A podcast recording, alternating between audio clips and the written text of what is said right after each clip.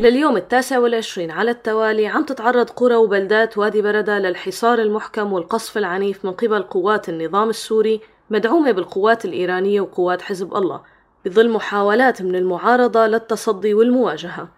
ورغم مبادرة سابقة لاتفاق هدنة بتتضمن وقف إطلاق النار وخروج الأهالي من مدنيين وعسكريين من وادي بردة إلا أنه الهدنة ما تمت بسبب استهداف أحد ضباط المعارضة بالوادي اللي كانوا مسؤولين عن المفاوضات. واليوم وبمبادرة ألمانية مدعومة من الصليب الأحمر تم التوصل إلى اتفاق لوقف إطلاق نار في ظل أوضاع إنسانية سيئة للغاية داخل قرى وبلدات الوادي. ولحد تسجيل هالتقرير ما كانت بنود الاتفاق واضحة لسه. عن الوضع الإنساني بقرى وبلدات وادي بردة والهدنة اللي عم تحاول تشق طريقة للوادي رح كون معكم من راديو سوريالي أنا أماني عبدو بهالتغطية الخاصة. ورح يكون معي من الغوطة الغربية الناشط الإعلامي مازن الريفي. مازن تحطنا بصورة الوضع بوادي بردة خلال الأيام الماضية؟ بالنسبة للأوضاع في وادي بردة تعرضت المدينة لحملة شرسة من قبل قوات النظام مدعومة بميليشيا حزب الله اللبناني منذ أكثر من 25 يوم على التوالي. شهدت المنطقة معارك عنيفة جدا وقصف بري وجوي بالطيران الحربي والمروحي والمدفعية وصواريخ الأرض أرض ومحاولات شبه يومية لاقتحام بلدات وادي بردة وأهمها عين الفيجة منشأة نبع الفيجة.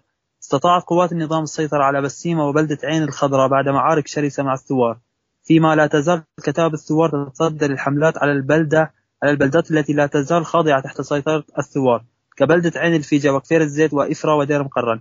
بالنسبة للوضع الإنساني سيء للغاية أكثر من 120 ألف مدني محاصر داخل منطقة الوادي وأوضاع معيشية صعبة جدا في ظل غياب كامل لجميع المنظمات الإنسانية وعلى رأسها الأمم المتحدة وفقدان كافة المستلزمات المعيشية والطبية أيضا.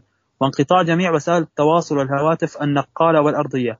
منذ أسبوع تم تشكيل لجنة تفاوضية من أهالي المنطقة من جهة ووفد من قبل النظام من جهة أخرى برئاسة اللواء المتقاعد أحمد الغضبان كان يقضي الاتفاق يحافظ على سلاح الثوار وعدم تهجيرهم من مناطقهم مما لم يرق للميليشيات الإيرانية حيث تم استدعاء اللواء المذكور وتصفيته من قبل اللواء قيس الفروة المدعوم إيرانيا. أدى إلى انهيار كامل المفاوضات وعودة الاشتباكات والقصف الممنهج اليومي. طيب شو قصة الاتفاق اللي تم التوصل له برعاية ألمانية وشو هي بنوده؟ هل اتضح اتضحت بنود هذا الاتفاق؟ تعود السفارة الألمانية الموجودة في بيروت بمبادرة جديدة مفادها تقضي بوقف الأعمال العسكرية من قبل الطرفين تسوية أوضاع المدنيين والشبان المطلوبين والملاحقين أمنيا والبقاء في مناطقهم تضمن خروج المقاتلين من منطقة الوادي الغير راغبين بهذه التسوية وترحيلهم إلى الشمال السوري بسلاحهم الفردي حيث تم تقديم وثيقة من المبادرة إلى الثوار يتم دراستها إلى الآن الاتفاق حسب مصادر كان عن طريق وفد ألماني يعمل لدى السفارة في بيروت بعيدا عن منظمة الأمم المتحدة ليش تأخر هذا الاتفاق لهلأ؟ تأخير الاتفاق كان بسبب ظن قوات النظام بأن بأن استطاعتها أن استطاعتها السيطرة على قرى وادي بردة بحملة عسكرية ضخمة وسيما محاولة الإقامة العنيفة من قبل الثوار التي تصدت لتلك الحملة الشرسة بكل ما أوتيت من قوة رغم الإمكانيات الضعيفة والمحدودة والرافضة لسياسة التهجير القسري والتغيير الديمغرافي وسعي لاستقطاب الحاضنة الشعبية في قلب العاصمة دمشق بأوهامهم أن بأوهامهم أن الثوار في وادي بردة هم من يقطعون شريان المياه المغذي والوحيد للعاصمة دمشق وتأييدا لحملته العسكرية على وادي بردة بعد الاتفاق هل في فعلا وقف لإطلاق النار على الأرض؟ أكيد أكيد. هلأ في يعني يعني إنه هلأ يعني بادرت ألمانيا بهاي المبادرة يعني إنه طبعا ما لها علاقة بالأمم المتحدة. فاجى مندوب من السفارة الإيرانية ببيروت ودخل مع وفد من من النظام على وادي بردة وجلس مع وفد من المعارضة. وكان الاجتماع إنه هلأ حاليا وقف إطلاق النار هذا شيء أكيد. آه الاتفاق يعني صار المفعول. إنه لحد بكرة إنه يبين توضيح بالضبط يعني شو اللي صار. أه طيب وهلأ أه شو المرحلة الجاية؟ أكيد في هلأ إنه راح يصير بكرة إنه خروج ثوار مما لا يرغب بالتسوية وقف أعمال قتالية هذا شيء أكيد. إنه خروج الثوار 100% من المنطقة يعني هذا قرار النظام من زمان إنه هيك. يعني يعني الخروج الثوار هذا شيء إجباري يعني يا أما القتال يا اما الخروج غير هيك ما في راح يكون مثل مثل أي منطقة. يعني ما هاي هاي سياسة النظام إنه إخلاء مناطق ريف دمشق الشرقي والغربي والجنوبي. بكرة في تهجير من مناطق ثانية غير وادي برد. هلا تم الاتفاق عليها هاي قلت لك زاكي درخبيه آه، كناكر طيبة مقليبة. هدول بالريف الغربي لدمشق يعني بمنطقة اسمها منطقة الكسوة. هاي هلا بكرة في تهجير من هاي. في من هاي المناطق يعني بحدود ال ال 150 من الثوار ومعهم عائلات يعني بحدود ال 400 شخص هدول بكرة راح يخرجوا للشمال السوري يوم الجمعة غدا بكرة الصبح.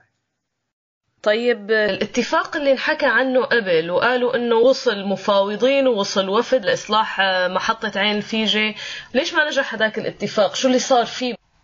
صحيح لا ما نجح الاتفاق بسبب قتل اللواء قيس الفروة اللي من الفرقة الرابعة من قبل النظام مدعوم ايرانيا. طبعا هذا فيعني لما قتل اللواء قيس قتل اللواء المتقاعد أحمد الغضبان فأكيد فهنا يعني ما نجح هذا الاتفاق بسبب المشكلة اللي صارت. فتمت تصفيته يعني قدام ضباط وقدام وجهاء من الأهالي الوادي. فبعدها يعني إنه النظام قتله وتخلص منه.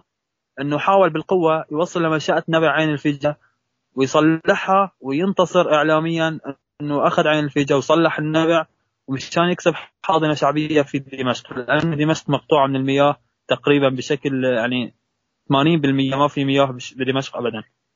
يعني هو السبب الرئيسي هو السبب الرئيسي بالمختصر إنه فشلت المفاوضات بسبب آه، يعني إنه قتل آه، اللواء أحمد الغضبان هذا اللي كان مسؤول عن المفاوضات يعني أحمد الغضبان كان إنه مكلف إنه يعني إبقاء الثوار في مناطقهم وعدم تهجيرهم آه، فهون الميليشيات الإيرانية حيث تم استدعاء اللواء المذكور وصفته من قبل اللواء قيس الفروة. طبعا هون بعدها يعني بعد ان قتل هذا اللواء فرطة المفاوضات عودة الاشتباكات والقصف الممنهج اليومي. فبعدها لحتى إجت هاي المبادرة من السفارة الألمانية. يعني بالمختصر يعني انقتل هذا اللواء اللي كان هو عم يسعى لهاي المبادرة. فأكيد ما راق لهم الجو وما عجبهم. فإنه بدهم تهجير إجباري. طيب بدي اتشكرك كثير مازن. شكرا لك. ممكن بكرة يكون في معلومات عن الاتفاق أو تتوضح بنود الاتفاق بكرة صحيح؟ على بكرة أكيد يعني بنكون خبرنا كل شيء لبكره من هون لبكرة. شكرا كثير مازن. شكرا يعطيك العافية. توضيح لما سبق. مبادرة اتفاق وقف إطلاق النار هي مبادرة أممية تمت من خلال ممثل عن الصليب الأحمر بيحمل جنسية ألمانية. إلا أنه لحد إعداد هي التغطية ما زال خرق وقف إطلاق النار مستمر والقصف ومحاولات اقتحام الوادي كمان مستمرة. رغم نقل وسائل إعلام النظام بأنه منطقة وادي بردة دخلت بهدنة وقف إطلاق نار شامل. بانتظار أخبار جديدة عن تطبيق الهدنة ومعرفة بنود الاتفاق اللي بيشمل وقف إطلاق النار بوادي بردة رح نوافيكم بكل جديد من خلال أخبارنا وتغطياتنا على هوا راديو سوريالي.